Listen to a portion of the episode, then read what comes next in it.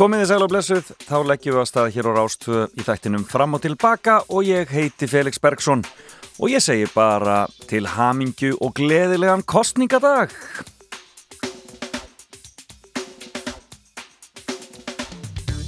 Já, Lýðræðisveislan mikla er að hefjast hér hjá okkur og í dag, já hún er náttúrulega laungu hafin en hún er að ná hápunkti í dag þegar við förum og kjósum á þessum sex, uh, í þessum sex kjördæmum sem að í bóði eru og það er sannalagt að segja það að þetta sé búin að snörp og stór skemmtileg kostningabaróta að minnst að mínu mati og um, ég held að kostinni séu bara nokkuð skýrir og það verður gaman að heyra hvernig ykkur gengur að kjósa í dag og ganga frá þessu öllu saman. Verðum við mikla kostningavöku hér á Rástvögi kvöld.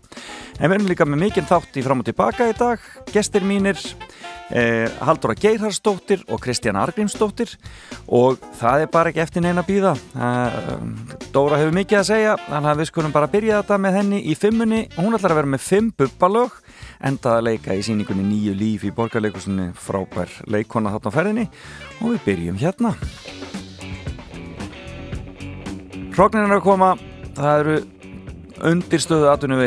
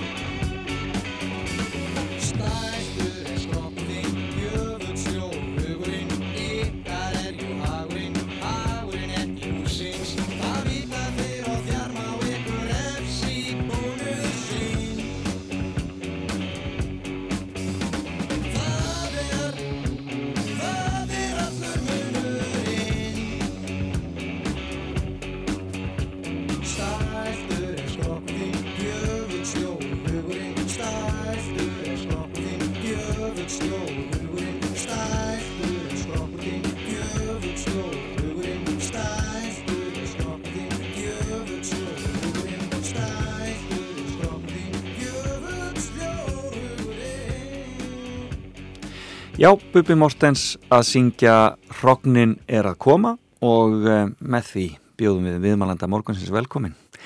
Haldóra Gerharsdóttir, hjartanlega velkomin. Takk fyrir það. Þetta er uh, eitt af lögunum sem þú ætlar að velja í dag í fimmuniðinni hér mm. hjá mér í fram og tilbaka. Mm -hmm.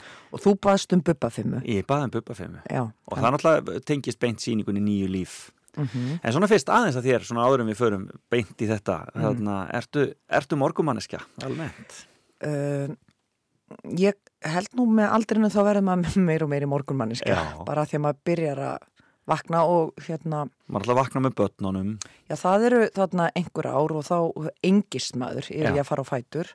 Uh, og svo er það tímabilið þar sem maður reynir að komast fyrr á fætur en þau til þess að eiga smá stund. Uh, og núna því á unglinga sem sofa fram yfir hádegi þá hérna þá er merkilegt hvað ég vakna snemma.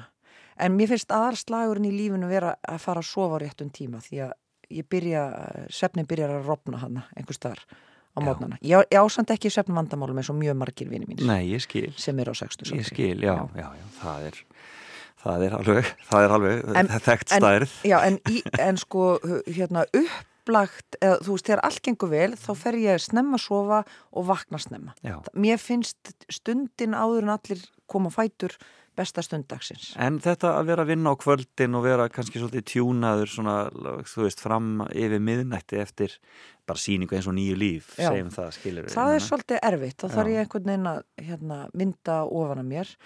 Að því ég er með annað svona element að eftir ákveðin tíma sem er svona um hálf tólf, Mhm. þá líður mér eins og ég fari inn verði ósýnileg og enginn sjáu að ég er vakandi. Já, Og þá, þá missi ég tímaskinn og þá getur þetta dreigist fram til tvö Já. að fara að sofa. já, Uh, og, og ég er svona stundu velt þessi fyrir mig. Þekkið þú ekki þessa tilfinningu? Nei. Að finnast þú verða ósýnilegur? Þannig einhver starf í já. eins og maður fara inn í svona, svona annað sónið, inn í annan heim Þetta er mjög aðtilsvert. já, kannski er það bara því að framheilin er komin úr sambandi við Já. restina eða eitthvað svona þú veist Já, þarna gæti ég líka að byrja að borða og Já. þarna gæti ég fara að poppa og já. þarna gæti ég rifið alls eins út úr ískápnum eh, skilur þú veist, þetta er svona Akkurat. tími þar sem ég verði ósýnileg Já, akkurat. og svo bara klukkan ánum tvö og morgun eftir það er bara hvað var ég að spá Nákvæmlega. að því að samt vakna ég Já, þetta er, svona, já, þetta næstu, næstu því ómeðvituð uh, hegðun einhvern veginn. já það er eins og ég verði unlingur eins og Já. ég fari sko í svona, já, svona unlingasón Maðurinn er Nick og hann, hann stúderaði svefn mjög mikið. hann vinnur við svefbransons Hann vinnur við, já það er Já. bara hreinlega, hann er Já. þar ennþá. já, Og þarna, eh, þannig að þið ræðið þið svolítið svefnin á mjög heimilinu. mikið og hann er að vinna upp á hérna, landsbítila við svefbransóknir hann er þess að taugalíðilsfræðingur og hérna Uh, hann er aldrei sofið verð en síðan hann fór aftur að vinna við svefbransóknir fyrir tveimur árum síðan Af hverju? ég veit ekki, er þetta ekki bara eins og pípar alltaf allt í klessu í pípunum heima á píparanum skýrur hérna en hérna eh, en þannig að það er mikið rætt um svefn heima Já. hjá mér og alls ekki svona, Rannsóknar í þessu, Já, já. Þetta er náttúrulega stór mál. já, Þetta er rosa fríka fyrir bara í svefnin að þetta að, að fara í svona já, að einhvern veginn leggjast í hýði og, og endur uh, ræsa allt kerfið einhvern veginn eða kvíla kerfið bara til fyrir, veist, já fyrir þetta er náttúrulega stærsta ósynilega líðheilsu vandamál sem við erum með Já, í gangi, er það ekki? jú, Þú veist, þetta byrjar allt, Nákvæmlega, ég segi já. fyrir mig, þetta byrjar allt kvöldið áður. Hvenar fer ég í að sofa? já, nákvæmlega. Og svo er náttúrulega eins og að því að við erum komin á þennan á 60 aldur, Já, akkurat. þá eru fleiri og fleiri vinnur okkar að slást við uh, eitthvað, vesen í svefni. Mm Við erum bara, þú veist, við getum verið í góðu formi, hreyf og hvað getur alls, allt getur verið að ganga upp, við getum líka verið á þung, það getur verið allskins. Já, já, En svefnin er algjör líkilega andlegu, andlegu og líkanlegu og jafnvægi. bara góður í líðan. Já, og góður í líðan. Stóramálið, skemmtilegt. Heyrðu en, þú valdir þetta fyrsta lag, Hrognin er að koma. Þetta er Já. fyrsta bubbalæði sem þú velur í þessu og þetta er náttúrulega af. Já. Þú varst þar. Ég var, ég Þú var, hlustar á hana. já, af því að ég á þrjá eldri bræður Já. og einhver þeirra kom með þessa plötu heim og hérna, og- og ég hafði aldrei heyrt svona en ég lá með textablaðið og, og læriði textana og já, með þessu lægi brust bubbi inn í líf mitt þegar ég er Nákvæmlega. 12 ára. Akkurat. Uh, ég fór samt ekki á tónleika með, uh, með utan, ég held ég hafi nei, ekki eins og þú, þú ert árið eldri en ég Ég, er að, já, ég sá þá í hagaskóla. Ég sé utangarsmenn í hagaskóla Já. því ég er sko 13-14 ára. Já. 81 eða já, eitthvað. já. Það er ég, náttúrulega bara mesta upplifun sko lífsins sko. já. Ég, ég náði því ekki, en Nei. ég náði samt að vera einhvern veginn á báttum og fara svo á melarokk og einhverjum svona staði þar sem, að, þar sem þeir byrtast og svo hérna, og er í svona klíku sem að e, e, fer að sækja alla tónleika í Reykjavík. Já. og uh, uh, já, náði að búa til verið í einhvern svona hlýðar vera, veruleika þar. Og kommi bróðu minn sem er fimm ára meldri en ég, hann var í taugadeildinni og einhverjum svona hérna, í svona hljónsötu þannig ég í rauninni kasta mér upp á vagnin hjá honum sko. Já, Hann- þannig- ef hann er jeppin þá er ég kerran sko. Já, þannig að þú ert svona, þú ert svona nálagt þessu öllu saman eiginlega strax frá byrjun. Já, að fylgjast með svona úr já. En þetta er frábær plata, eh, Ísbjörnum Blues. þetta er einhver magnaðasta frumraun íslenskrar dægulegasögu, svo það sé nú bara sagt. já, öruglega ég meina, við öll sem erum á þessum aldri og eigum þetta Já. þessa minningu, við vitum bara að þetta breytti öllu Já, það bara gerðist eitthvað þarna akkurat. Og hvað, já, ég veit ekki ég, ég hef svo sem ekki analýsirað hvað var nákvæmlega í gangi þarna. Og svo koma auðagarsmenn og En þegar hljótað í kringu síninguna hafið verið að velta þessu fyrir ykkur sko. Já, en ég var náttúrulega aðalega spá í ekobubba, ég fór ekki einn stjúft inn í þennan og Þennan, ja, inn í þennan bubba, ég var svona já, ég var svona þessi sem að það sem að hérna það sem egoið og, og hérna og fíknirnar eru búin að taka hann svona meira yfir, þannig að ég var svona að skoða skoða meira svona fíknihægðun og, og og hvernig maður ítir öllum frá sér til þess að í raunin að fá að vera í fríði eða hvernig egoið þurkar alla aðra út af borðinu. Já. þú veist hvernig hann, já, hvernig hann tekur, tekur plássið sko En það er mjög aðteglast þetta sem þú segir þegar að þú ert 12 ára en þú ert Mm. samt svona nálagt þessu af því að þú lifur og hærist í bara fjölskylda þín er bara uh, menningar og listafólk í miðborgar Reykjavíkur, nákvæmlega það sem bara Bubbi var og, og komi verður vinur hans mm -hmm. fljótlega Mm -hmm. og þarna en, en þú elst, elstu alltaf upp þarna í, í, þú ert alltaf í miðborginni? Nei, ég er í Fossói, ég hlusta á þetta í Giljalandi Já, sko. ok. já, já. Ég flytti ekki á Lindagötu sérst nýri miðbæ fyrir ég er 14, nei, 15 ára. Ok, Þannig að ég þurfti svona alveg að taka 11 nýri bæ til þess að fara á eða, eða 7 til þess að fara á Melarocktónleika og já, þetta sko. akkurat, ok. En ég fann svona mitt gengi á Hressó, þar voru Pac-Man og tölvuleikja svona, og þar fann ég vinkonu mína sem að, þú veist, En varstu þá í fósfórskóla á sínum tíma? já, já, fósarskóla og réttó. Já, og svo tók ég bara eitt ári í hagaskóla. já, já, já, þannig að þú ert úr, úr, úr, úr Ég því er- hverfi. Já, ég er því úr, úr svona bara spýtur og, og hérna og, og opnir skurðir, skilur Já, akkurat, veist, á bara- þeim tíma. Já, það sem er bara nóga efni til þess að byggja og, og gera og græja. Nú Og- kemur maður í fossóinu og þetta er bara eins og komað til Skandinavíu, sko. Nákvæmlega svona gott skandinavist hverfi. Já, já, nema það er svolítið mikla í skólan já, já, guð mig góður. Já, já, það er, ekki, það er ekki hlæjandi að þessu. En, þarna, en, eh, en það, það hefur verið gott að alast þar upp.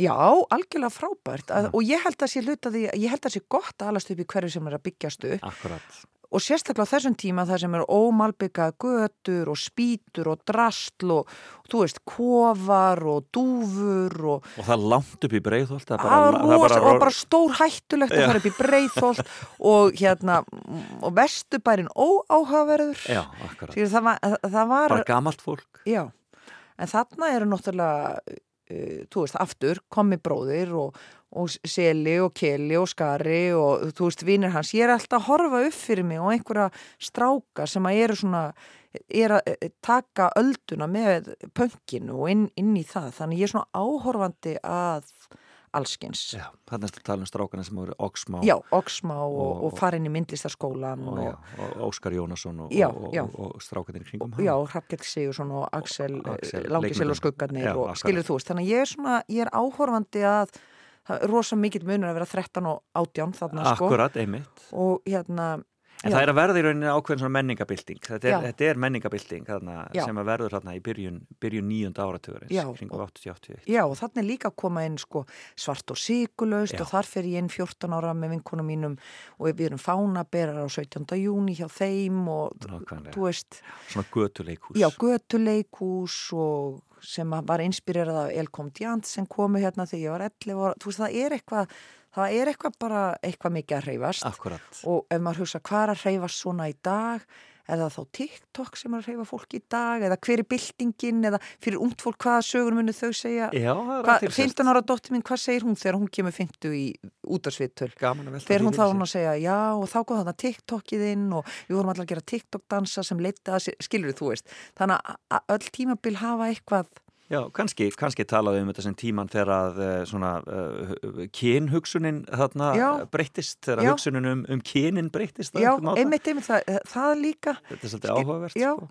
einmitt En það var náttúrulega svolítið í, á nýjönda áratugnu líka, það var svona, var það allt í einu svona, það svona, strákar fór að mála sig og stelpur fór að leifa sér að vera í jakkvæðunum, Já. Annie Lennox kemur fram og Boy George og allt þetta Já, líka. og, og vinum hans fara að koma út úr skápnum Já. og þú veist, þannig að það er hérna já, við erum svona, við erum svona samferð inn í þetta Þetta er áhugavert, mjög áhugavert. Þannig, þannig að mér finnst alltaf gaman sko ef ég skoða minn tíma Já. að skoða svo börnum mín núna ekki gera lítið úr þeim byltingum sem þau eru að fara í gegnum Það sko, Nákvæmlega, og, og s- það mun fæða einhverja sögu af sér Nefnir að ég er að passa á þessum tíma Já.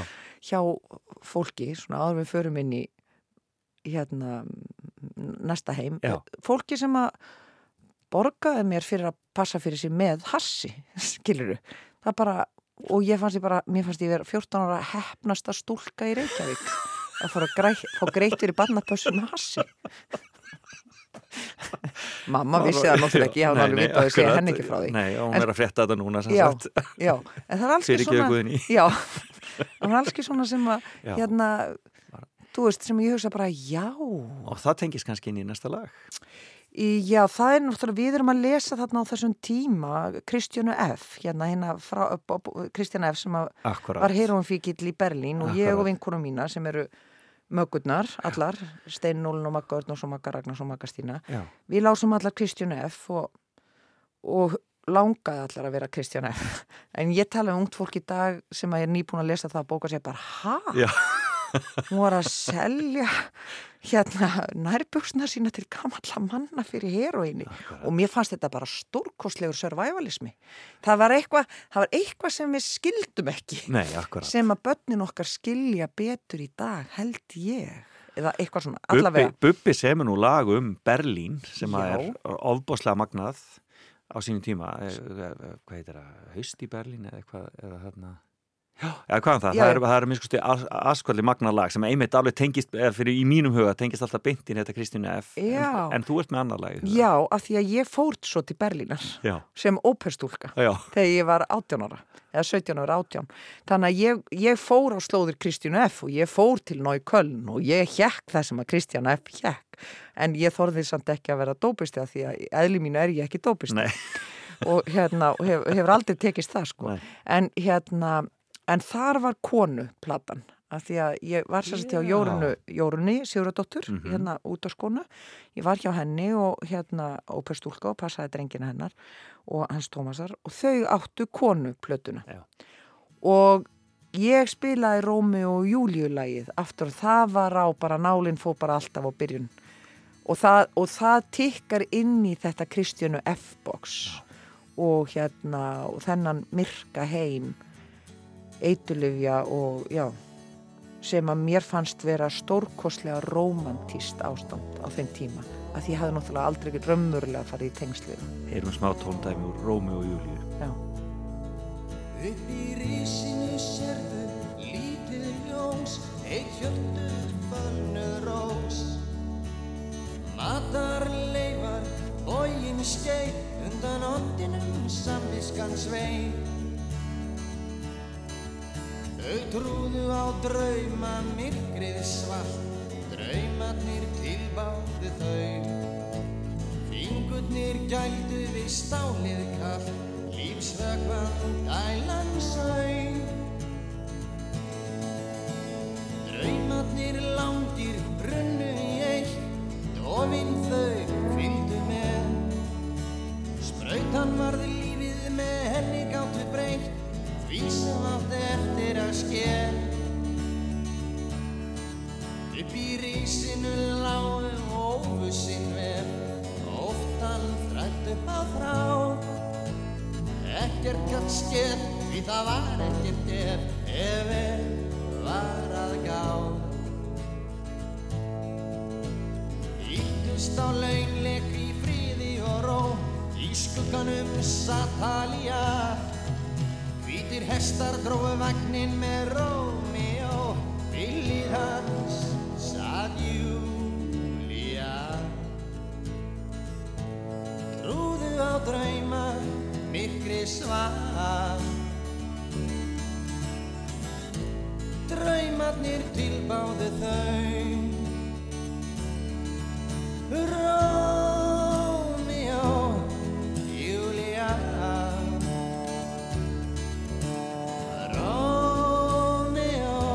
Það þarf náttúrulega valla að, að, að setja þetta á því að fólk bara um leið og sagt byrja Já. fólk bara að syngja lægið sko, Já. er en það var, var það ekkert svakalega vinsalt strax. Það kom svolítið síðar held ég Já. Hvernig, hvað, hversu vinsalt það var. En þú varst að hlusta á þetta ég hlusta, ég man að glugginn var einhvern veginn lægið sem mér, ég hlustaði mest á já, af konuplutinni já það er mjög fallegt. Er Ester syngur það í síningun það er náttúrulega ótrúlega fallegt. Já, það er mjög fallag og það var, það var svona lagið einhvern veginn sem ég tek svolítið með mér af konuplutinni já, En gaman að þessu Mhm. um, árin í, já, sko, var þetta ár í Berlín? Ég, ár, ég já, ég var ár í Berlín og það var svolítið gaman. Og tókstu þau þá bara frí í mentiskóla bara til já, að fara og gera þetta? Já, bara? ég sóttum að vera skiptinemi og var hafnaða því að þeim fannst ég ekki vera, það var einhver svona helgi. En var, það, þá, þá útrá í þér? Já, rosa, það er alltaf útrá í mér. Ég er með útrá núna, ég er alltaf með útrá og, og svo þegar ég fer til útlanda þá er ég skítrætt og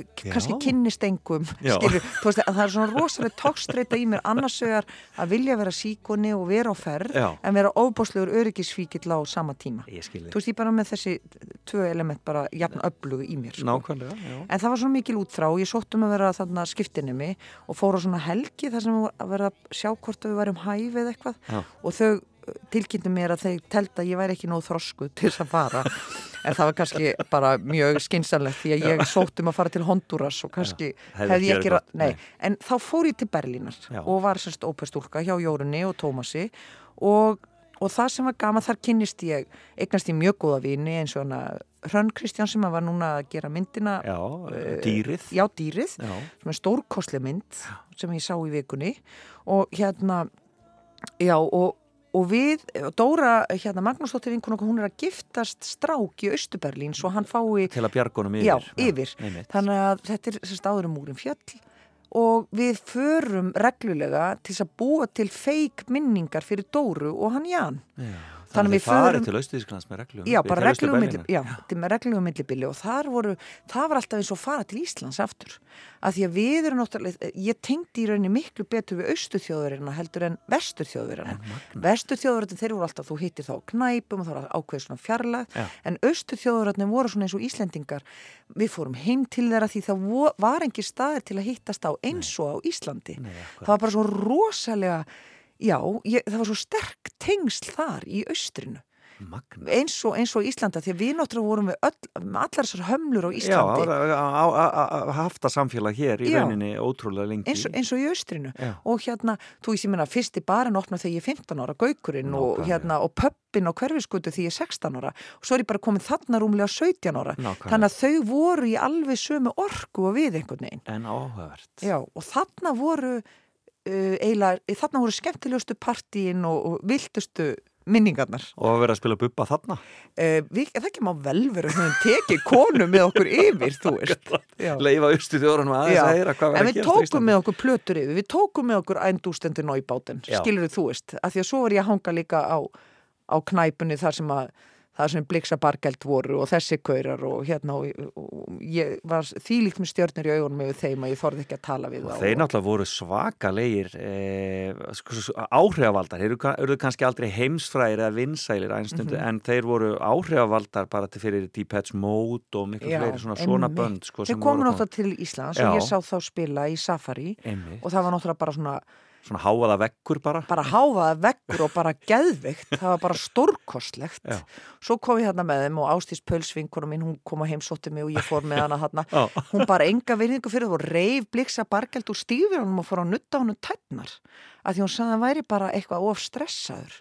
Og bara allt innu og hann bráðnaði höndunum á henni og fór að segja bara hvað væri erfitt með Nick og hérna og, og ég bara, ó, hvernig getur hún brotist í gegnum hennar ó, og ég gæti aldrei opnað munnin þarna inni, ég var svo, ég var svo stíf og starströkk en kom samt alltaf. Já, veist, náði ekki að verða grúppía þannig að verða grúppía það er hæfileiki og þá grúppía það- sem jákvætt grúppía hlýtur að vera einhver sem nær tengslum við stjörnuna og getur mættin á einhverjum stað Nákvæmlega það sem að stjörnunin líður vel en er ekki Nákvæmlega. sett á stall sko. Nákvæmlega en ég setti stjörnundan á svo mikinn stalla ég hefði ekki- aldrei getið orðið grúppía Nei, ekki, ekki svona sem að nær svona samband nei, Þarna, hvenar ákveður að fara í leiklistina? Er þetta bara, ertu, Þarna- ertu, já, ertu fann að stefna á það þarna á þessum tíma? Nei, þarna er alveg bara, finnst ég leikursi bara alveg ömurlegt sko. Já. En ég átti móment að því hann Tómas, fyrirvændi maður Jórunar, hann Já. var sérst vann í leikursi í Berlín og ég fór og oft og sá síninga það sem hann var í. Og svo einn daginn þá var ég búin að sitja einn út á torki og fylgjast með fólki, skateboardurunum, hjólaskautafólkinu, rónunum, uh, fíklunum, þú veist bara. Mhm. Og ég kem tilbaka, ég satt tvo klukkutíma þarna, átti eitthvað pásu og ég byrja að segja sögur og ég fór að segja, herru, svo kom þessi og þessi gerði þetta lalala. og þá sagði Tómas við mig hérna hefur einhvern tíðan spáði að verða leikona þú talar eins og manneska sem að þú talar eins og leikari Mhm. Og þá, að, að það er svo merkilegt þegar fullorinn manneska sem er ekki alveg í Já. svona, svona gefur þér sem unglingi einhvers konar speglun Já, á einhvern sér þig já, sér þig, sér Já. einhvern hæfileika. Og þetta bara, þetta komment frá honum það breytti einhverju, það settist á einhvern stað inn í mér.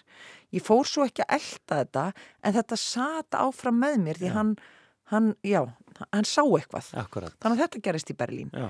en þegar ég kynnt tilbaka þá höldum við áfram með, með hljómsveitina Uh, hérna risaðlun, við höfðum byrjað með hana áður en ég fór út og svo ég kom tilbaka þá koma þarna einhverju peningar inn í metaskólan að búa til sjónvastátt annir og appelsínu og, og við bara búum til risaðlun og hún fær nafn og við verðum svona formuleg hljómsveit Já, og það tekur svolítið yfir lífið þarna.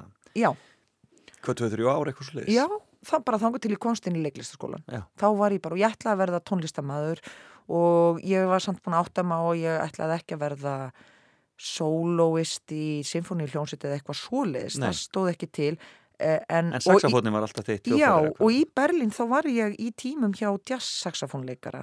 Uh, og hann sagði mig, þú átt ekki vera að spila eftir nótu, þú átt bara í hljómsveitum. Hann fann alveg að, að, að, að sköpunarkrafturinn minn lá í samspilinu en ekki ein við púltið Ég sko. skilði. Já. en ég held að ég vildi verða hljómsveitastjóri Já. og þegar ég sóttum í leiklistaskólan þá var hitt plan B var að fara í hérna í hljómsveitastjórn Já, bara verða hljónstastjóri. Já, bara. já. en um, ég veit ekkert hvort ég hefði gett orðið það og enda greip lífið inn í og ég komst inn í leiklistaskólan en, en ég vissi bara að ég þurfti meiri fókus heldur en að það hljónstum við vorum svolítið mikið byrjað að djamma og svona Já, já. reyndar ekki ég, að því ég var komið bann ég eignaðist bann bara, var bara ólíkt í stúdensprófum þannig að ég fór bara inn í svona eins og eins og annað ferðalag þar Já. sem ég tók hlutina fa- fastari tökum um, en ég komst inn í skólan Já, og þar með, þar með var svo braut ráðin. En þú hefur farið meira inn í stjórnun í setni tíð. já, Ég meina, þú fóst að leikstýra Já. og svo ertu komin inn í listaháskóla líka Já. og hérna, fann að kenna þar og í rauninni stjórna þar. já ég er fagstjóri á, á leikarabrautinni þannig ég er svona held utan um nám leikarana á samt Hannes Óla Ágústinni núna og hann Guðmundur Ingi var að þarna búið þetta til með mér áður og við tókum við af Stefán Jónssoni sem var búin að leggja frábæran grunn á sínum tíu árun sem hann var þarna þannig nákvæmlega. að hérna, já, þannig að já, Þú uh, fóst inn í stjórnunina í rauninni eftir, eftir Já. allt saman. já, og ég fór aðeins inn í leikstjórnina en af því að ég var, sko, ég er einstað móður í sjö ár þá, uh, ég hafði aldrei hennan glugga til að æfa mig til að leikstýra eins og vini mínu voru að gera Nei. Benni og Bergur og Steppi og Hilmir og uh, þú veist þessi sem að þú, þú veist, ég, ég, ég upplýði einhvern veginn að þeir gátu tekið sér meira rými í að æfa sig Já, þú veist, hjá stúdentaleikursinu í áhuga leikfélagunum eða Mhm. svona e eitthvað ég, ég samt bankaði upp á hjá Gíó þegar þeir voru allir byrjaðir og sagði, heyri Gíó ég er 30, ég er 30, ég er 31 strákarnir eru allir byrjar að leikstýra kannski verður hann 32, Já. ég vil líka fá leikstýra það með ekki bara vera strákarnir sem leikstýra. Já. og Gíó var mikið í mínu liði og trúði mikið á mig. Og hann leiði mér að leikstýra hérna verkinu Jón og Holmfríður sem var svona splatter grín leikrit. Einmitt. og hérna þannig að ég á, maður á alltaf eitthvað, einhverju fólki að þakka einhverju fólki sem sér mann. Já, og sem að veðjar á mann eins og þú veist, gefur manni tækifæri hleypur manni inn og þetta er svo skrítið með að vera leikari og í þessu það þarf alltaf einhver að veðja á þig akkurat. það, og, og án þess að ég, ég, ég kann ekki alveg vera grúpi sko. Þú veist, ég sitt þetta fólk oft fyrir ofa mig og oft svona í vandraðu með yfirmenn sko. Já, já. Það þarf að leika leikinn svolítið og Já, og ég er ekki góð í því, sko. Þannig, en ef að ég fyrir að tala um vinnu við þau, þá flæðir, en ég er oft svona, ég veit ekki hvort þetta er meðvirkni, að raða fólki upp fyrir sig og niður fyrir sig, Já, en ég er alltaf, alltaf að skoða þetta, hvar næ ég að tengjast þeim á þess að sitja þau upp fyrir mig eða, eða hérna, Já, sem jafningja í já, sem, ég mæta það sem jafningjum. Já. Þetta sem grúpiðnakunnar, Nákvæmlega. þú veist. Heyrðu, þriðja bubbalagið. Það er þriðja bubbalagið. Það er að nóttin er löngu. Ég hugsa, já, ég ætla að kasta henni hérna að ég söng bakrættir í einu bubbalagi. Býtu, hvaða ári er nóttin lang? Oh, hvað, það, það er áðurinn í eignar spatt, þannig að það er uh, svona 89 sennilega, í- sennilega er hún tekin upp í janúar 89, eitthvað svo leiðis. Þá er ég í risaðlunni og, á- og vinkonum mín ásti sér að deyta hann Jóhann sem að var hann úr flesskvartettin, Jóhann Söderberg sem að kom með Kristjáni Falk Já, Kristján Falk var hérna, hann var hérna maðurinn sem var hér í, Já, kom- mikið að vinna með Bubba þarna þessum tíma. Já. Þessum stóru plötum þarna. Já, og þetta voru svona einhverjar vinkonum mínar sem Já. að involverist og ég líka þarna. Þannig að ég var mikið í stúdíónu þarna þegar nóttin langa var tekin upp. Og hann Jóhann fekk minn til að gera eitt eh, viðlag sem valla heyrist því að það er svona myndur á því en, um, en ég er þarna. Já, Ég- hvað heitir lagið? Það heitir Sumari 68 og það er fyrst, þú veist, fyrst er hann að segja bara frá, í- í- frá sumrinu og svo heyri svona eins og, eins og svona eh, á ennsku sko, Já. Reykjavík, Reykjavík, summer, summer, Reykjavík. Við the hlusta. windows flies the music out with the gentle ocean breeze. Þetta kann ég ennþá. Þetta kann þetta, við skulum hlusta og veira hvort við heyrum þetta. Já.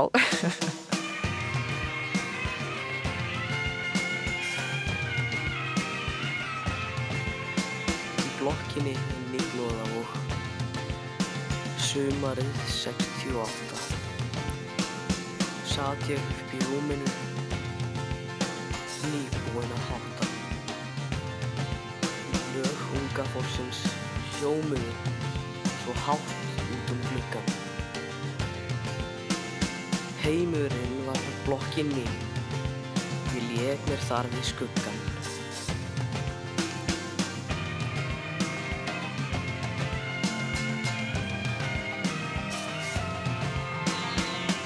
Síða hárið var draumurinn en ég var dæmdur til að vera með busta.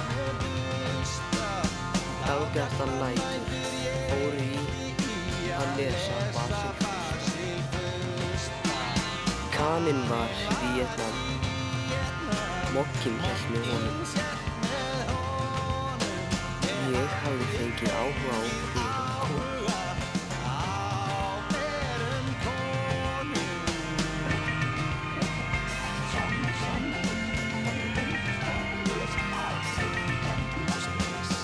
Pappi stríklaðist bankan og voðalega þúr. Það voru menn í höfðus berjandi á tún. Ég sá aðeins þambandi þorstanum svafa. Með þrútin augu og sáran háls lagði svo í dvala.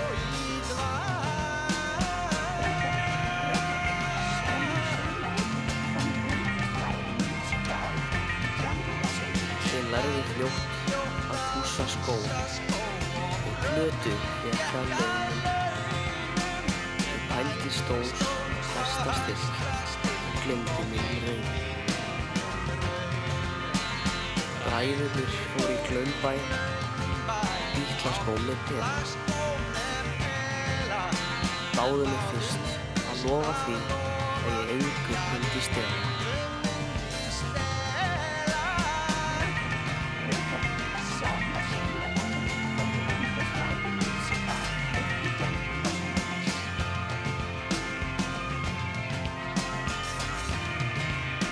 Já, þarna máttu heyra Haldur Geirharsdóttur syngja með Bubba Mortens eða svona tala eiginlega Já. með Bubba Mortens. Já, og svolítið svona rappleg og á ennsku sem pingu skríti en, en Jóhann var sænskur skilru og hann er bara, ég googlaði hann eitthvað tíman um daginn. Hann er, er að gera popvídeó, hann er svo trommuleikari sem verður klippari Já. í popvídeóm og, og bíómyndum og svona, hann hefur gert vídeo og, og svo er hann líka leikstjóri þannig að hann hefur verið unni, vann með David Bowie með Já. alveg Lazarus-vídeóð og hann hefur unni með Madonnu þannig ég fór aðeins inn og En eh, áhugavert. Já, fór aðeins að googla hann um Það er daginn. þessi Svana Gísla líka. Já, en ég sá hann Já, þessi kona frá Akranissi sem bara er búin að meika það út í London og er að vinna með Abba og allt það. En hún Já. greinlega með einhverja sænskar tengingar fyrst að Já. þessi Jóhann kemur inn í þetta já líka. með það, er mitt helst í hug með hana. Hún lita komið gegnum einhvern veginn Svíþjóð. Svíþjóð, já, einhverja Svíþjóða tengingu. Þau eru svo öflug sko. Þetta er ótrúlega flott, Mhm. en gaman, en gaman að ég vissi þetta ekki, Dóra syngja með Bubba 1989, já, já, já. Sumari 68 einmitt. sumar 68, heyrðu en þarna ertu að, að fara eigna steini í þá. Já, það Og bara var, var það sjokk að verða ólétt í, Já, þú í getur rétt mentaskóla? ímyndaðir Það stóð ekki til Nei. En þetta er náttúrulega mesta guðskjöf sem að hérna sem að það, þarna kom akkerið Já, skilur, það var bara, ég held að bara ef, ef Guð almáttur er til eða sköpunarkrafturinn hefur ákveðið að hjartengja mig, þá vissan hvernig best var að gera það. og það var þarna bara Það með, bara, með steini. já, með steini og hérna já, þannig að ég eignast hana þarna bara nýju mánuðum, tíu mánuðum eftir stúdinspróf, skilur Já, akkurat. uh, Já, þetta er bara, er, bara Ég- þú ert í stúdinsprónum bara þegar hún kemur undir. já, já, já, eða þegar ég eh, skoða pennan já. þegar koma tvö styrk, er það ekki tvö styrk já, þá er ég í stúdinspróf þá ert í stúdinsprónum. já, Magna. uh, og hérna þá bara þá hætti ég að drekka og reykja og nota sjampó og drekka kaffi og svart te og, og ég varð bara Marja May. Þú veist, það var bara kom svona algjör bara, bara uppeig og í þrjú ár þá var ég einhvern veginn, þú veist, ég var með í öllu með hljónsutin og allt þetta Mhm. en ég fór inn í svona mjög uh, svona, ég myndi segja svona hvítan tíma. Þú veist bara svona hvít ljós, ég fór inn í ég gæti ekki farið inn á 22 öðru sem lapp út og þurfa að toga af mér púka og ég, var, ég svona galopnaðist á einhvern hátt en var samt áfram með hljómsveitin og kreatív og, og fannst þér erfitt að fara frá henni þá þegar, til þegar þú varst að vinna og svoleiðis? Já, eða? a- já, allt svo leiðis mjög Já, erfitt. mjög erfitt, já. já. En varst þá fjastu mikla aðstof frá fóruðrúðinum? Já, ég hefði ekki gert þennan leiklistaskóla uh, þegar ég svo komst inn í hann Já, nema með mömmu og pappa. já, Því að skúli pappina Steinar, hann var í, í sniglabandinu já, og við vorum hætt saman þegar ég byrja í skólanum. Já, og hérna, hann var að spila allar helgar, hann var meira og menn út á landi allar helgar og svo leiðis. Þannig að ég átti bara allt undir mömmu og pappa.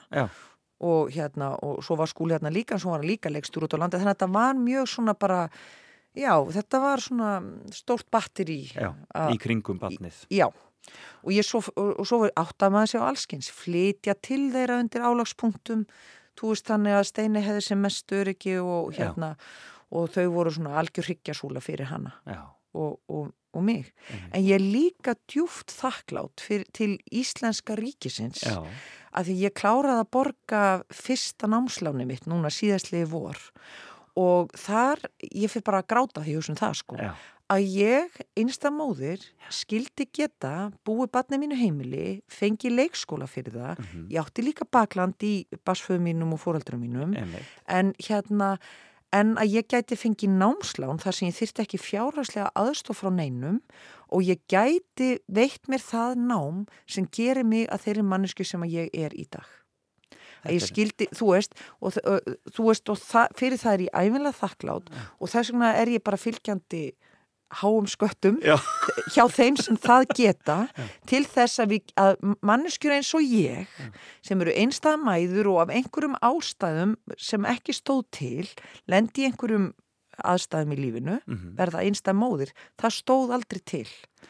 En ég gætt samt sótt mér það nám sem gerir það verkum að ég er búin að gefa markvælt tilbaka held ég. Nákvæmlega. og segja, þegar, þegar ég fór í leiklæsskólan og var að taka námslánin og ég tók náttúrulega eitt, eitt og hálft að því ég var ein með barn, ég fekk líka framfærslu fyrir barn. akkurat, akkurat. Uh, það voru ekki skólagjöld þá í leiklæsskólan, það var bara pappírskjald en núna er alveg rosalega háar upp að þér til þess að fara inn í listaháskólan.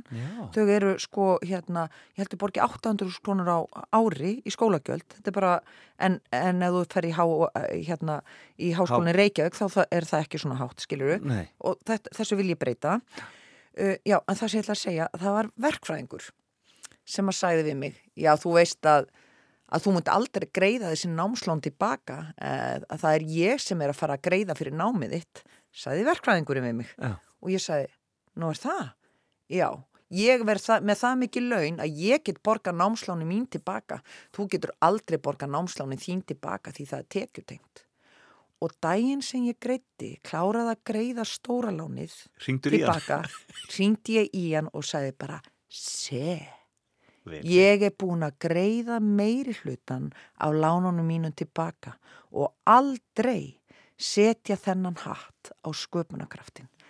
Þú veist, fólk á að hafa tækifæri til að láta drauma sína rætast, Nákvæmlega, nákvæmlega. þannig búið til betra samfélag. Þetta er, þetta er mjög áhugavert en allir hafi þessi tækifæri. nákvæmlega. Og menn sjá það mismunandi eftir því hvaða flokki þeir eru í. Já, Það er já, já. hvernig, hvernig tækifærin gerast. Já, já, já. uh, Fjórða Það er, við erum ennþá í fimmunni sko. Við við, erum fimmunni. með, við erum búin með Ragnar að koma. Já, Við erum búin með hérna sumari 68 og og, og. Róma og Já, nú ætla ég að fara í, það, e, svo gerist margt, ok, við vorum bara rétt, ég bara var að komast í leiklisskólan, svo gerist margt. Já. Uh, sumar, e, næsta lag sem ég ætla að spila er þá gerðist eitthvað, því ég hef, ég fylgdist ekkert mikið með Bubba en það gerðist eitthvað með plötunans Ást. Já, Hétt hún ekki Ást? Kom hún ekki út sumarið uh, sem að ég gifti mig? sem já. er sumarið 2005 og þá heyri ég bassalínu dom, dom, dom, dom, dom dom, dom, dom, dom þetta held ég að sé eitt fallegasta lag sem Bubbi hefur búið til fallegu dagur. Já, einmitt. Og bassalínan er svona eins og hann sagði sjálfur, hún er svolítið svona frönsk sem er kannski bara, ég hef hálf franskan mann, ég veit ekki. En þetta lag hljómaði útvarpinu allt sum, sumari sem, gift, sem við giftum okkur, ég og Nico.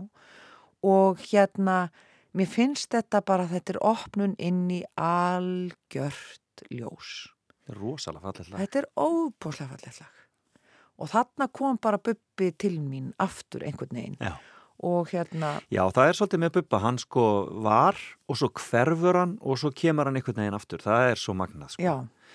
og að því hann er þarna alltaf hann er þarna alltaf. Hann sagði mér hann hefði lesið bók, hérna, æfisögu Bob Dylan eða eitthvað og, og Dylan hefði talað um að þú veist, uh, þeir sem meika þar, eð, þú veist, þú fer inn með öldun og hversu, hversu lengi nærða standa ölduna.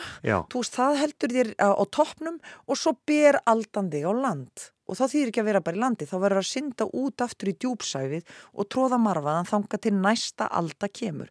Hann sagði að þegar hann heyri þessa basalínu, Já.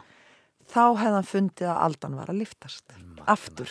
Þá var bara að nú er að koma næsta stóra alda, bubba alda. Og það, og það var, var þannig. þetta var gríðalega vinsælt Já, og bara óbúslega fallegt og bara, hann var búin að vera út í djúpsæfinu, sko. Heyrum aðeins fallegan dag Já.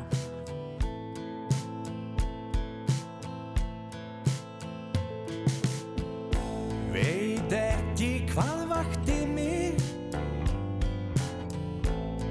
Vill liggja um stund. Togar í mig tær byrtan Lýsir mína lund.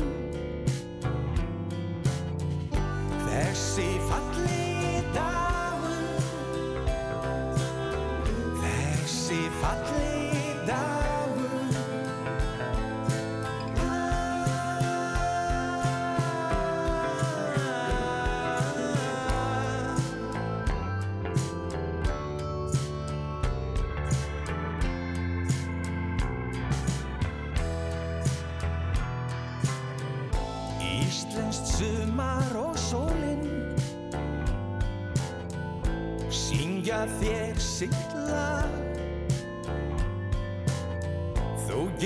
glöð út í hitan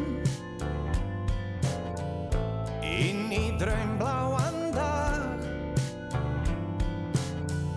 Þessi fallegi dagur.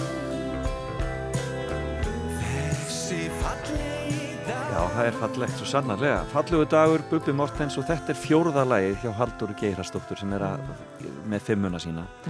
Bubba fimmu og ástæðan auðvitað þessi ótrúlega leiksýning, nýju líf sem þið eruð að leika inn í borgarleikusi og, og þú ert þar að leika Eko Bubba K- Hvernig var þetta strax hugmyndin hjá Ólafi Egils að þið tækju hvert og eitt í rauninni eitt tímabil í lífans eða svona væruð eða stæðuð fyrir ákveðin tímabil í lífans Já, ég held að svo hugmynd hafi kannski komið frekar snemma inn hjá honum. Já, og það er mjög klefver því að einn, eh, já, það er bara svo skemmtilegt því þá þá kemur svo mikið samtal og það kannski var til á æfingatímabilinu þá fóru við bubbarnir að tala saman okkar á milli eins og þetta er í lífinu, þú Já, og hann alltaf er þetta overlapp en alltaf aldrei erfitt Já. á köplum, skiluru, það er erfitt að, þú veist Að vera edrú og Já, svo er bara ekobubbi alltaf að kemur- í þér. Já, hvar kemur edrúbubbi inn í Og utangarðsbubbi Og þegar þú veist að, að, að hann þóttist verið edrú en var Já, það ekki. Já, já.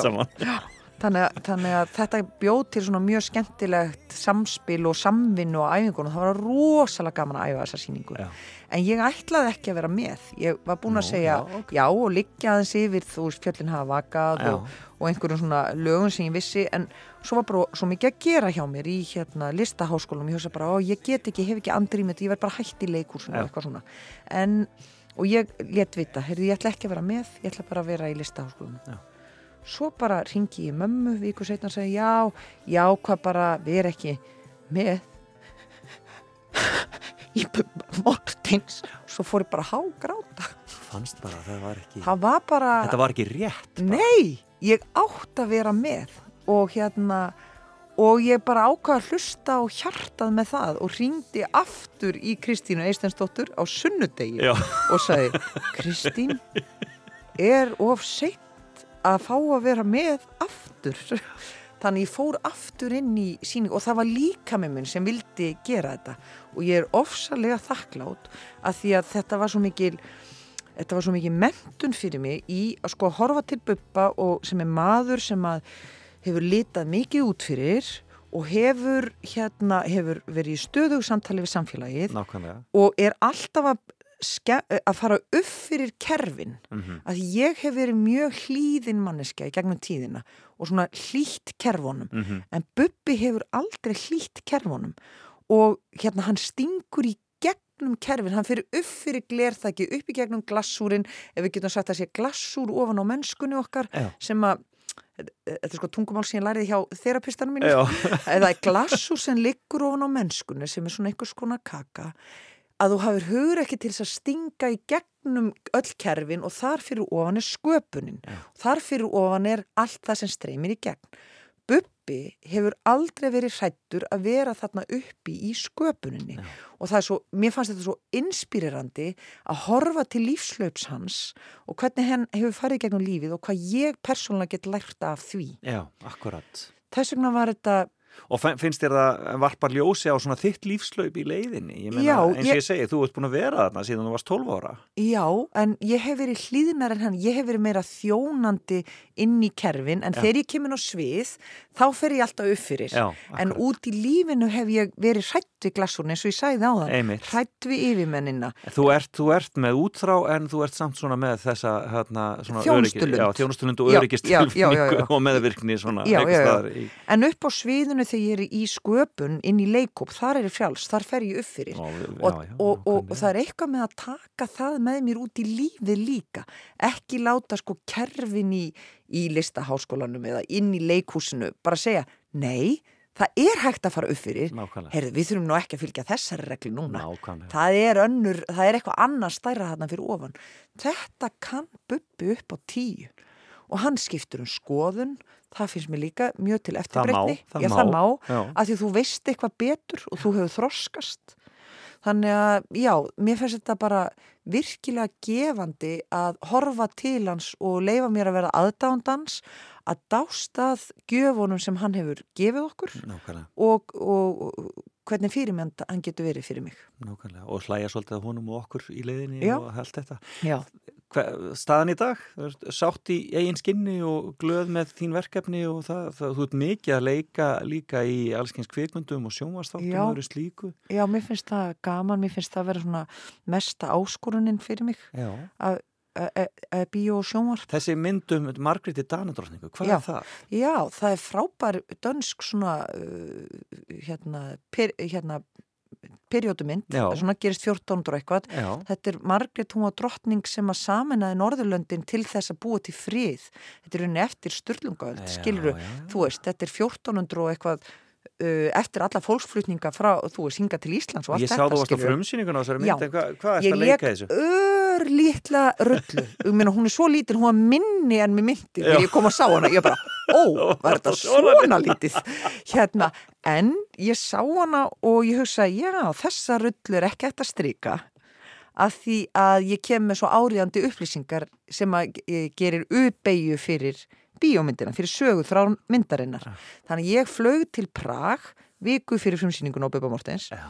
og leg eitt tökudag og hitti þar Tríne Dýrholm og þessa Charlotte Schilling sem er eh, leikstjóri og þetta er hluta því að, að uh, komast að að stækka vinnusvæðið mitt. Því að nú er ég búin að vera leikona í 25 ár ja. og ég, ef ég er eins og Krispjörg Kjeld þá er ég eftir allavega 25, 35 eða 40 ári viðbót skiljuru þannig að ef, og mig langar að vinna á fleiri stöðum en bara á Íslandi þá verð ég ef að tækifæri gefst, þá verð ég að fara út fyrir þetta kerfi sem ég er í hér. Ég verða stætt ég verða að kost upp úr glassúrnum og þetta er svona liður í því að vinga til Skandinavi og segja, heyrðu, það er hérna einn leikona hún er 15-30 ja. og hún getur alveg leikið allskins þó hún tala ekkert rosalega goða dönsku en hún kann samt dönsku. Já þó að þið mun alltaf heyra að hún er ekki dönsk. Eða sænsk eða norsk. Akkurat. en mér langar raunverulega að stækka vinnusvæðið. Og það er svona pingu eins og að útskrifast úr leiklistaskóla og bara ég veit ekki hvort að ég, það kemur eitthvað út úr því eða, en ég verð allavega banku upp á og gera mitt besta. Þetta verður spennandi. Og þetta er góð loka orð og þarna hvað er síðasta, hvað er fymta lagi? Það er lag sem að ég hafði ekki heyrt fyrir en við gerðum Bubba-sýninguna sem að hérna, Bubbi syngur fyrir okkur og heitir Fallegu augun þín. Ég held að það, ég veit ekki eins og hvað það heitir, Nei. en þetta er, það er einhver, það er eins og Bubbi sagði sjálfur, það er eitthvað silfur í þessu lag. Ég, ég bara upplýði alveg rosalega uppliftingu í því og svona eins og svona dansandi byrtu. Uh, hérna, já, ég fyrir alltaf svona að reyfa puttan og hratt já, þegar talar um já, þetta lag. já, og þegar hann uh, hérna, syngur þetta lag nú er ég að skvíla en það kannski, hann syngur eitt lag. Einmitt. þá hérna, þá dönsum við á bakvið og meðan, það er bara það, þú veist, þá eru ég búin að leika heila síningu en svo fer ég bara þar eins og þetta lag hendi manni upp á heiminin en dásalegt, skulum heyra upp upp að kæra þakki fyrir komin að haldur og gera stóttir Já, takk fyrir að kalla í mig Vari þína mjúkar sætar svo heitur kós Horður blómum um hálsinn gullin kross. Ef ég segði ég finn ekki til þá. Er það ekki satt? Ég faldi það bak við grímuna Leta liggja kjört Ég hefði betur Ástinn mín spur Eins og dagur og nótt verða ávallt aðskilin Eins og sól og máni þannig erum við vinnur minn. Tvær einmanna stjörnur sem hittust. Eitt agnaflik skinnum skert á himnáttum ljúfan fund Ljósfall skert sem skein. Stuttastu Þín fallegu fylgja mér Fallega þú í hjarta mér Fallega þú. Í hjarta mér Eins og frost og funni þannig vorum við tveir Eins og þrýr pluss þrýr þar sem úrkoman var sjö Já, það er mikil synd að þurfa að draga nýri þessu. Þetta er Í hjarta mér, heitir þetta lag auðvitað og það er alltaf dís sem syngur hann með buppa. En við þurfum að ræna okkur í smá auglýsingar, tilkynningar og svo fréttir klukka nýju og svo höldum við áfram í fram og tilbaka.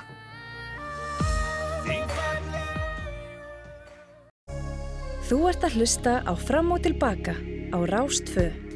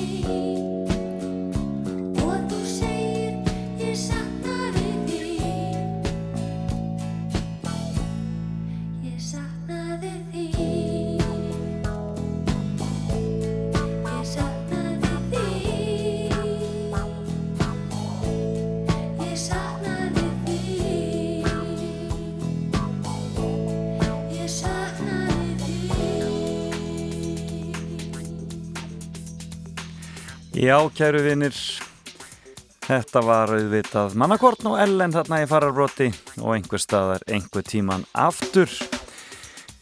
Já, þetta er þátturinn fram og tilbaka og það er búið að opna kjörstaði víðast hvar og um, ég vona að þið farið og takið þátt í líðræðis veslunni miklu. Um, það eru upplýsingar um uh, kostningarnar á víð og dreif til dæmis í morgumblaðinu og vísi.is og alveg pottet hjá okkur á rúf.is líka. En uh, eins og við vitum þá eru uh, 1282 á listum flokkana fyrir þessar alþingiskostningar og um, þetta eru sex kjördæmi. Reykjavík kjördæmi norður, suður suðvestur kjördæmi sem að mun vera stæst, suður kjördæmi norðaustur kjördæmi og norðvestur kjördæmi. Og kjörskrá eru 254.681 rúmlega 126.000 karlar eða ég er eftir að segja tæplega 127.000 karlar og tæplega 128.000 konur og 40 kynsegin. Það er mjög skemmtilegt og um, hefur fólki á kjörskrá fjölgað um 6.179 frá kostningunum 2017 þetta er skemmtilegt. Já, það er búið að opna kjörstaði þannig að nú vona ég að fólk fari í fínuföttin og drífi sig á kjörstað. Og það er alltaf svo gaman að fara í fínuföttin og, og, og drífa sig og uh, upplifa uh, þessa háttíð og svo sjáum við í kvöld hvað kemur upp úr kassunum og uh, eins og ég segi það er ymsar upplýsingar víða hægt að nálgast þetta. Já það er sagt í þeir segi mokkanum að uh, fyrstu tölur í kvöld komi um, já, það er mjög sko stölu potið það er koma að um, uh, norðan í norðaustur kjördæmi um 10.30 og um, en úr Reykjavík er talið að fyrstu tölur komi svona um 11 leitið. Og þarna e, við ætlum að fylgjast með þessu hér á Rástöðu kvöld. Við Hafdís Helga verðum með kostningavökur Rásar 2 ætlum að spila bara íslenska tónlist og vera með gong þegar að koma nýja tölur. Og þá getið þið verið örugum það að þið fáið nýjustu tölurnar hér hjá okkur á Rástöðu ef þið nennið ekki að uh, hanga yfir sjónvarpi og ámiklum umræðum og vilji bara heyra tónlist og heyra tölur þá verður Rástöðu akkurat staðurinn fyrir ykkur í kvöld En það er ekki búið hjá mér í dag. Ég átti að ringja hennar Kristján Argrínsdóttur hér eftir smá stund. Skulum byrja því að heyra smá tónlist og hér eru Svar Knútur og Kristján og Stefáns. Þetta er frábær útgáfa þeirra af gömlu erlendu poplægi. Hétt hún ekki Styx, þessi hljómsveit sem að söng þetta á sínum tíma e, og þá var það í alltaf öðruvísi útgáfu. Boat on the River heitir lægið og hér fara Svar Knútur og Kristján Stefáns um þetta sínum einstöku höndum.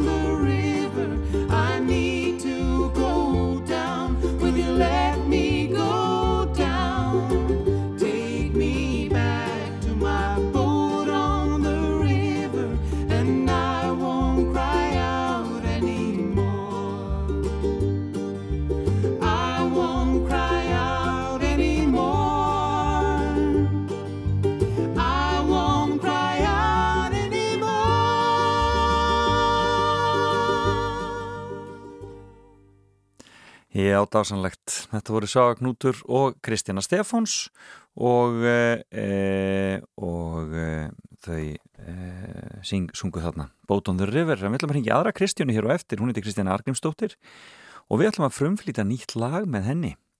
E, ég hitti þig, heitir það. Eða við fáum að kom, koma staði betur eftir en það verður frumflutningur á nýju lagi með Kristján Argrimsdóttir hér eftir smástund. Þú ert að hlusta á Fram og Tilbaka með Felix Bergsinni á Rástfö.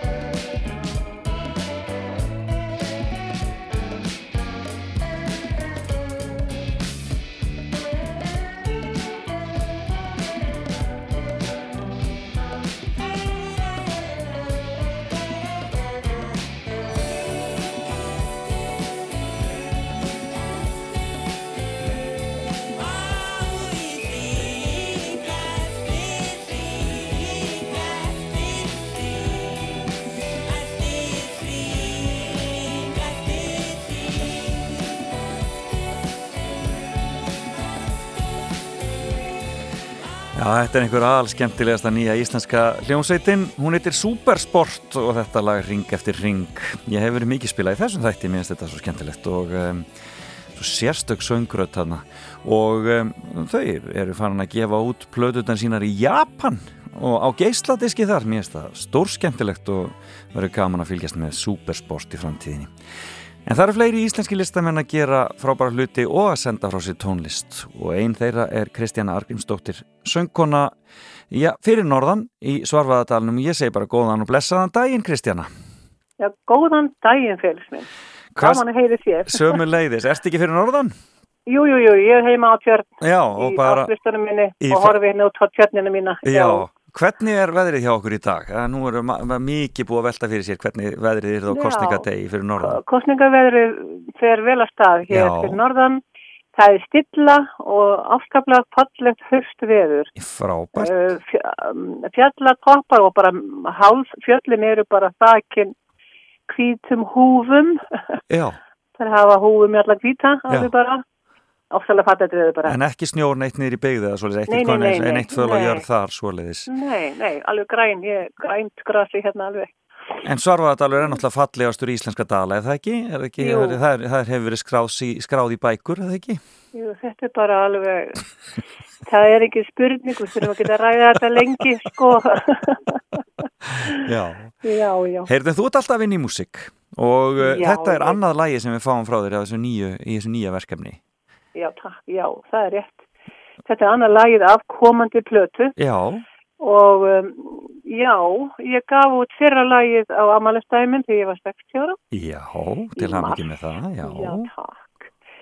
Og þetta er bara, þetta er svolítið nýtt fyrir mér að gera það svona. Já. Ég eh, var bara eins og allir hinir í den að gefa bara út heila plötu og, og svona, þú veist, jú, jú, það er gert auðvitað, en, en ég var svo dásamlegu börn Já, og sem að segja, mamma, gefðu bara út eitt og eitt lag, svona Spotify. já, akkurat. Og ég bara algjörlega hlíti þeim og, og, og, og þetta er bara gerast. Mér finnst þetta mjög gaman. Þannig að þú tekur þetta svona í þessa, þessari röð eins og, eins og er gert í dag.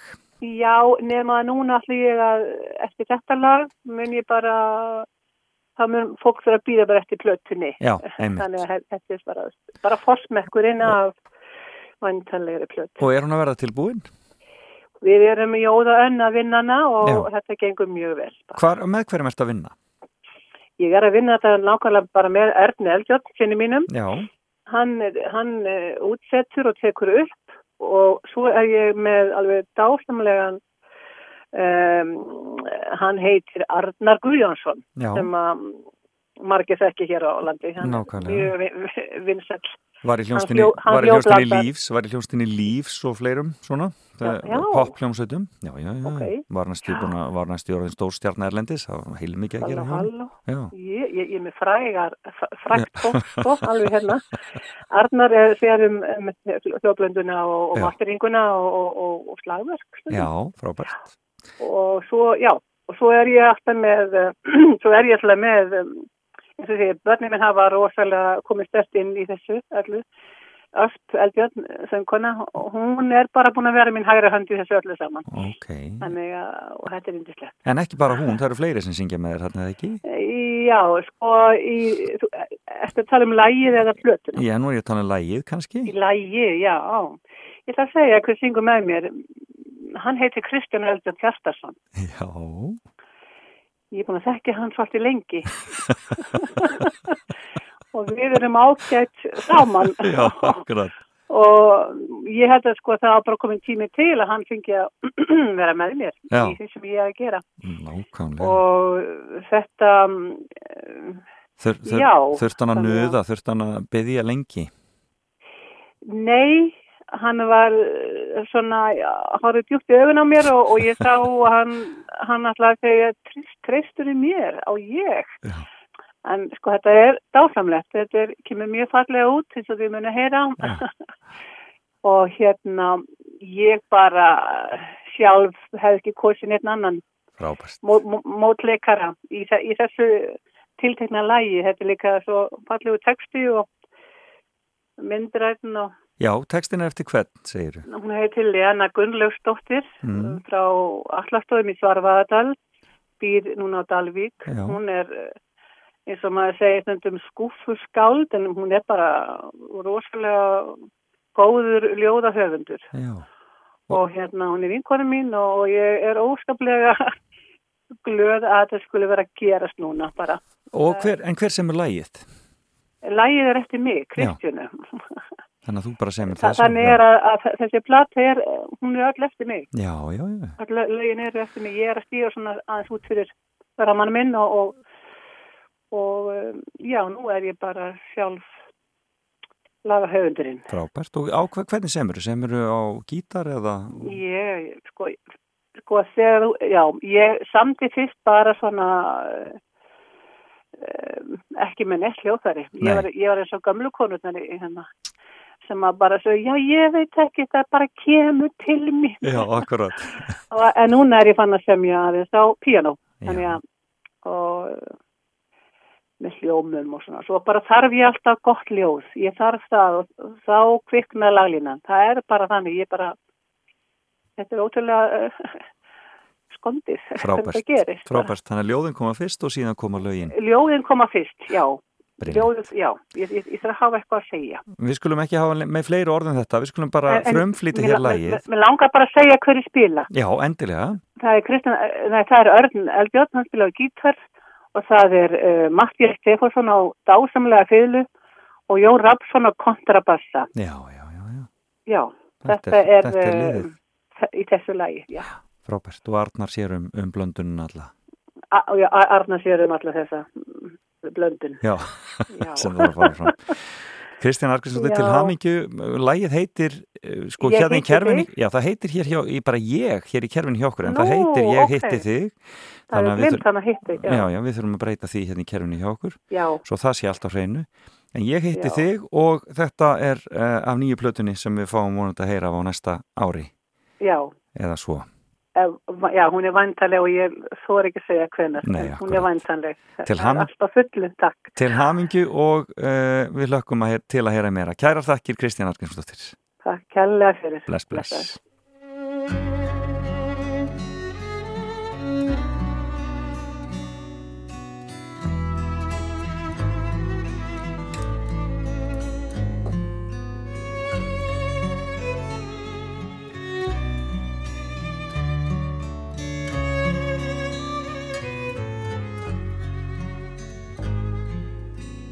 Ég hitti þig eitt löngu líðið vor. Og lengi var ég efins um þau kynni. En eitt er víst þú eftir skildir spór sem ekki verða máður vitund minni. En setna þegar allt var orðið breytt og engins blóð frá mínu hús að þínu. Ég skild að gæfan gefur engum neitt sem gætir ekki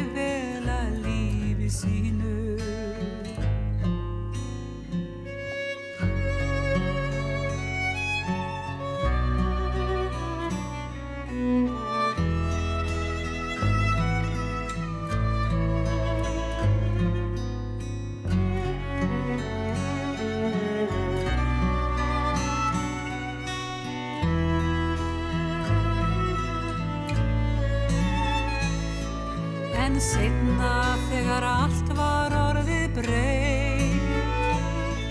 Og engins blóð frá mínu hús að þínu. Ég skild að gæfan gefur engum neitt sem gætir ekki vel að lífi sínu. Ég hitti þig eitt löngu liðið og lengi var ég efins um þau kynni.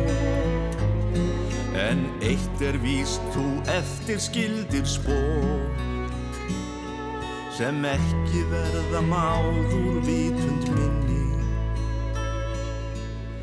Eftir sumar alltaf kemur haust og oft á vetrum skortir okkur hlýju. En lífið heldur áfram endalaust. Og æfilega heilsar voru nýju. Að nýju. Heilsar voru nýju. Ég heiti þig glæsilegt frá Kristjánu Argrímsdóttur og hér eftir smástund þá ætlum við að skella okkur í fréttagetrun í fram og tilbaka. Beint úr efstaleitinu í Reykjavík. Fram og tilbaka á Rástfö.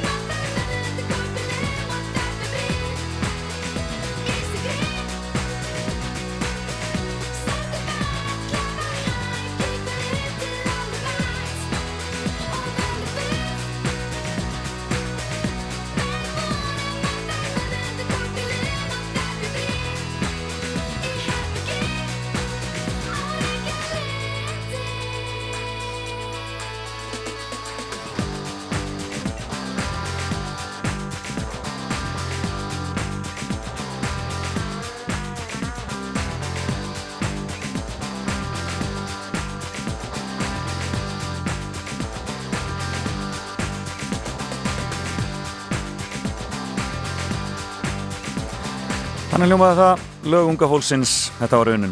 Og þá er að frétta geturinn símin 5687123 5687123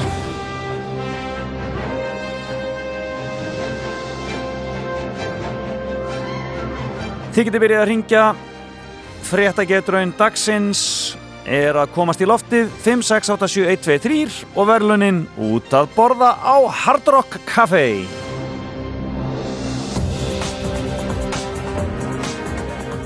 Og það er greinilegt að kjósendur eru farnir á stað því að það byrja allar línur að loga, allir tilbúnir að fara í fréttageturinn að vita allt sem hefur verið að gerast í vikunni og eru tilbúinir að vinna velunin að komast út að borða á Hard Rock þannig að ég ekki bara hefja leik með í snatri og byrjum hér, góðan daginn Já, góðan dag. Góðan dag, blessaður og sætt, hvaðan er þú að ringja? Hvaðan ég er að ringja? Já, Já, í austur á landi. já, hvað, já, einmitt hvernig er veðrið hjá ykkur á kjördegi? Það er bara okn og stilla það er allir að geta komist á kjörstöðu að þess að uh, vera í einhverju vandræðu. Dásamlegt, dásamlegt. Heyrðu, við skulum þá bara byrja í kostningunum. Fyrsta spurning. Uh, þar sem þú og, þú ert alltaf svo skemmtilegur, ég held mikið upp að því. Já, ég kæra þakki fyrir það. Það er fallega sagt. Ég spilaði með pappaðinu með golf út, út spáni hérna fyrir nokkrum árum. Já, það hefur nú verið, það hefur nú verið eitthvað til útlutningsmaður. Já, segju. heyrðu, en ertu til í frétta geturinn? Já, alltaf maður takk ekki slægin. Prófaðu, heyrðu, hér spyr ég. Samhliða alþingiskostningunum er kosið um sammenningu sveitarfélaga á Suðurlandi. Og hvað eru sveitarfélagin mörg sem huga þar að sammenningu? Já, hvað er þetta sveitafélagi mörg Sem, þar? já, sem að huga þessari sammenningu. Já, er það ekki allavega, allavega þrjú eða fjögur eða eitthvað svo þess? Já, hvað er lokast var? Já, það er bara, það, það er ekkert e- eitthvað eða. hvað segiru? Já, ég segi þrjú bara. Heyrðu, það er þér, en kæra þakki fyrir að ringja og byrja að heilsa austur. ok. Takk fyrir. Ok, Já, bless, bless. Já, skulum heyra næsta. Góðan daginn. Góðan dag. Heyrur í mér? Nei, þessi heyrir ekki í mér. Góðan, Ná, þessi heyrir ekki heldur í mér greinilega. Þetta er allt hér. Góðan daginn. Góðan dag, Góðan dag. Veist þú hvað þau eru mörg sveitafjölögin sem að er verið að kjósum? Það er hárrétt hjá þér. Fimm eru þau sem að um, huga að saminningu eða semst það er kosið um saminningu í dag. Það verður spennand að sjá hvernig það fer. Hvaðan er þú að ringja? Ég er að ringur ekki vekk. Já, ringjur Reykjavíkinni. Það er ágættis veður hjá okkur í dag, ekkert mál að komast á kjörstað hér. Nei, nei, það er ekki best að kalla það í. Akkurat. Heyrðu, en þá spyr ég, nú er það bara poppið. Í vikunni átti Nevermind plata Nirvana ammæli, semst platan Nevermind með Nirvana. Og ég spyr, hvað varð Nevermind platan gömul? Já, ég er ekki mikið nýrvana aðdáðandi en ég ætla að skjóta á 30 ár. Það er alveg hárétt hjá þér, 30 ára varð hún. Og mörgum örglega, maður sjokk fyrir marga. Jú, það, ha, þegar það gerist. Heyrðu, já, já, þá spyr ég hérna aðeins í sambandi við kostningarnar. Í vikunni varð COVID hópsmitt á reyðarfiði og þurfti skyndilega að setja upp bílakjörstað út af því. En í fréttum í vikunni var talað um græju sem er notuð við þessa kostningu og vakti mikla aðtikli. Og ég spyr, hvaða græja er það sem er ætla að nota? Heyrðu, það var reglíf með tjaldi yfir og, og Lára Stjarnarsson síslumaði vinnu minn, hann alveg stóð sem er tóma í þessari rangvænt. Heyrðu, ég kem ekki að tóma kóðan hjá þér greinilega. Hann var, fór alveg á kostum hann með reglífuna, já. Það voru skemmtilega ná, ekki? Já, þetta hljómar vel. Heyrðu, þú bara rúlaður þessu tókst þrjá ára eins og ekkert væri. Hvað heitir maðurinn? Hann heiti Karl Hillers, Karl Hillers, hefur nú einhvern tíman tekið þetta áður hjá mér. af og til. Heyrðu af og til. Heyrðu, Karl, þú bara rennir við hérna hjá mér í efstaleitinu og nærði velunin þín hjá Hard Rock Café. Heyrðu, ég gerði það. Kæra, þakki fyrir að ringja. Takk, bless, bless, bless.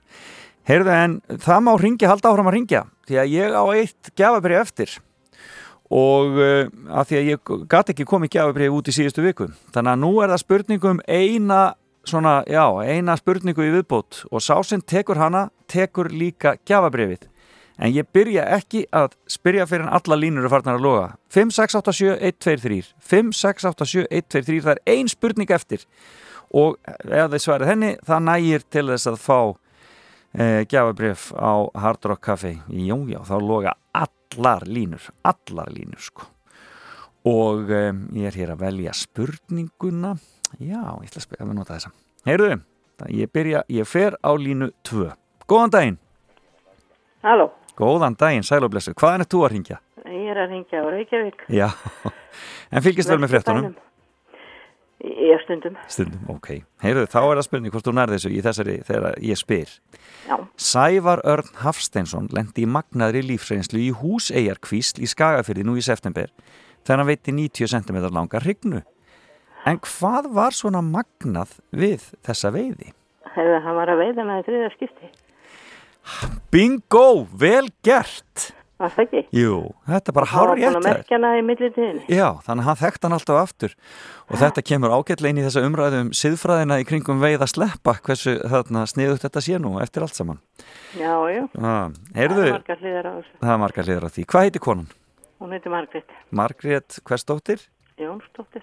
Jónsdóttir og þú átt hjá mér gjafabref og ég bara hveti til að koma hérna við hjá mér í efstalitin og sækja það hér í móttökuna hjá okkur Já, bara allt sem er það. eða eitthvað. Já, já, það er bara verið komið hér fram bara eftir, eftir, eftir klukkan tíu og eftir Á, þakka þið kærlega. Kærar þakkir og takk fyrir að ringja Já. Bless, bless, bless Já, takk öll þið sem að tóku þátt í fréttagetunum í dag reynduð að komast inn Þetta er komið, þá var Karl Hillers og Margret Jónsdóttir sem tóku hjá okkur velunin í dag og það verður fréttageturinn aftur eftir viku. Já, já, já, hafið engar áhyggjur. Hásneitingin Lil Nas X hérna næst. Lag sem heitir Industry Baby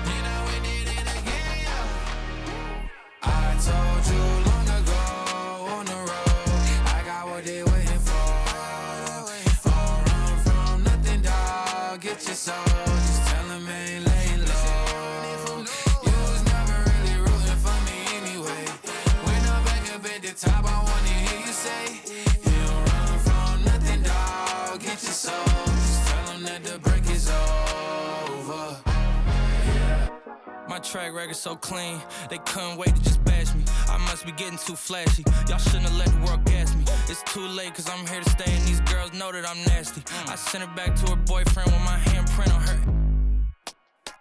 City talking, we taking notes. Tell him all to keep making posts. Wish he could, but he can't get close. OG so proud of me that he choking up while he making toast. I'm the type that you can't control. Said I would, then I made it so. I don't clear up rumors. Where's y'all sense of humor? I'm done making jokes cause they got old like baby boomers. Turn my haters to consumers. I make vets feel like they juniors. Say your time is coming soon, but just like Oklahoma, mine is coming sooner. I'm just a late bloomer. I didn't peak in high school, I'm still out here getting cuter. All these social networks and computers got these walking around like they ain't losers. I told you long ago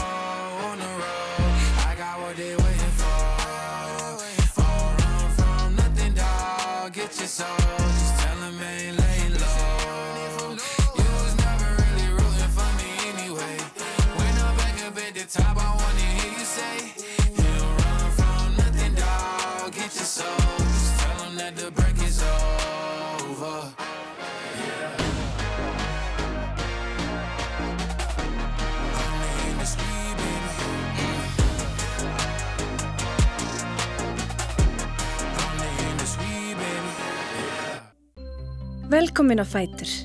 Fram og tilbaka á Rástfö.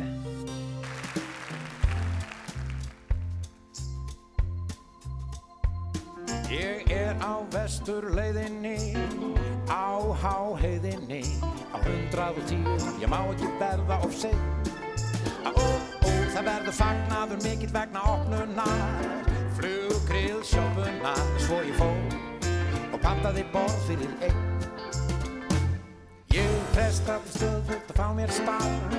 Síðan síldinn hvar Enda svo lítið lagt til vinnu En hefða samt góð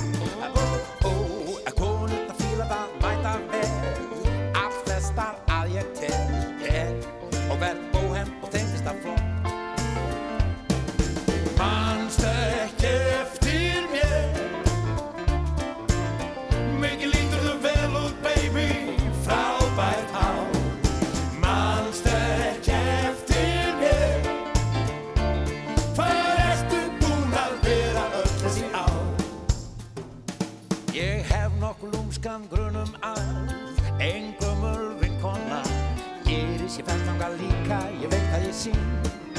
Ó, ó, hún er svo til að sama aldru og ég.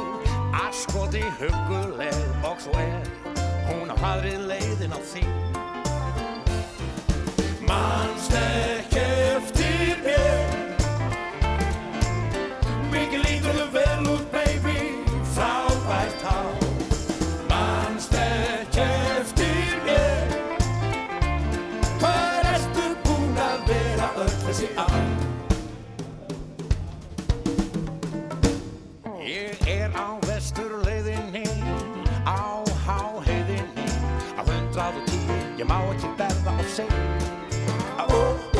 verður fagnaður mikill vegna opnunar flug, grill, sjöppun, hatt, fói, fó og pantaði borð fyrir einn. Mannst ekki eftir mér? Mikið lítur þau vel út bein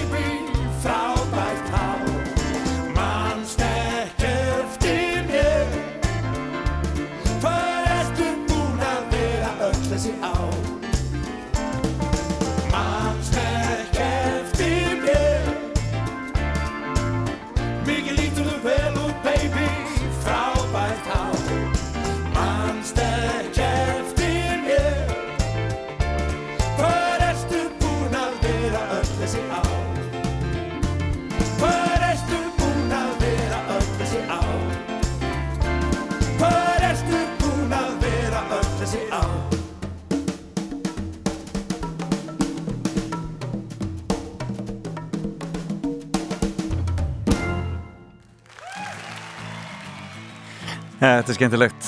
Já, það eru allir að reyna að minna á sig þessa dagana. Mannst ekki eftir mér, sungur stuðmenn og þetta eru þetta uh, eh, lag úr eh, uh, kveikmyndinni Stella í frambóði. En Viking Giant Show sönga einu sinum parti í kvítahúsinu. Hann og politíki því. Hlustum á Viking Giant Show.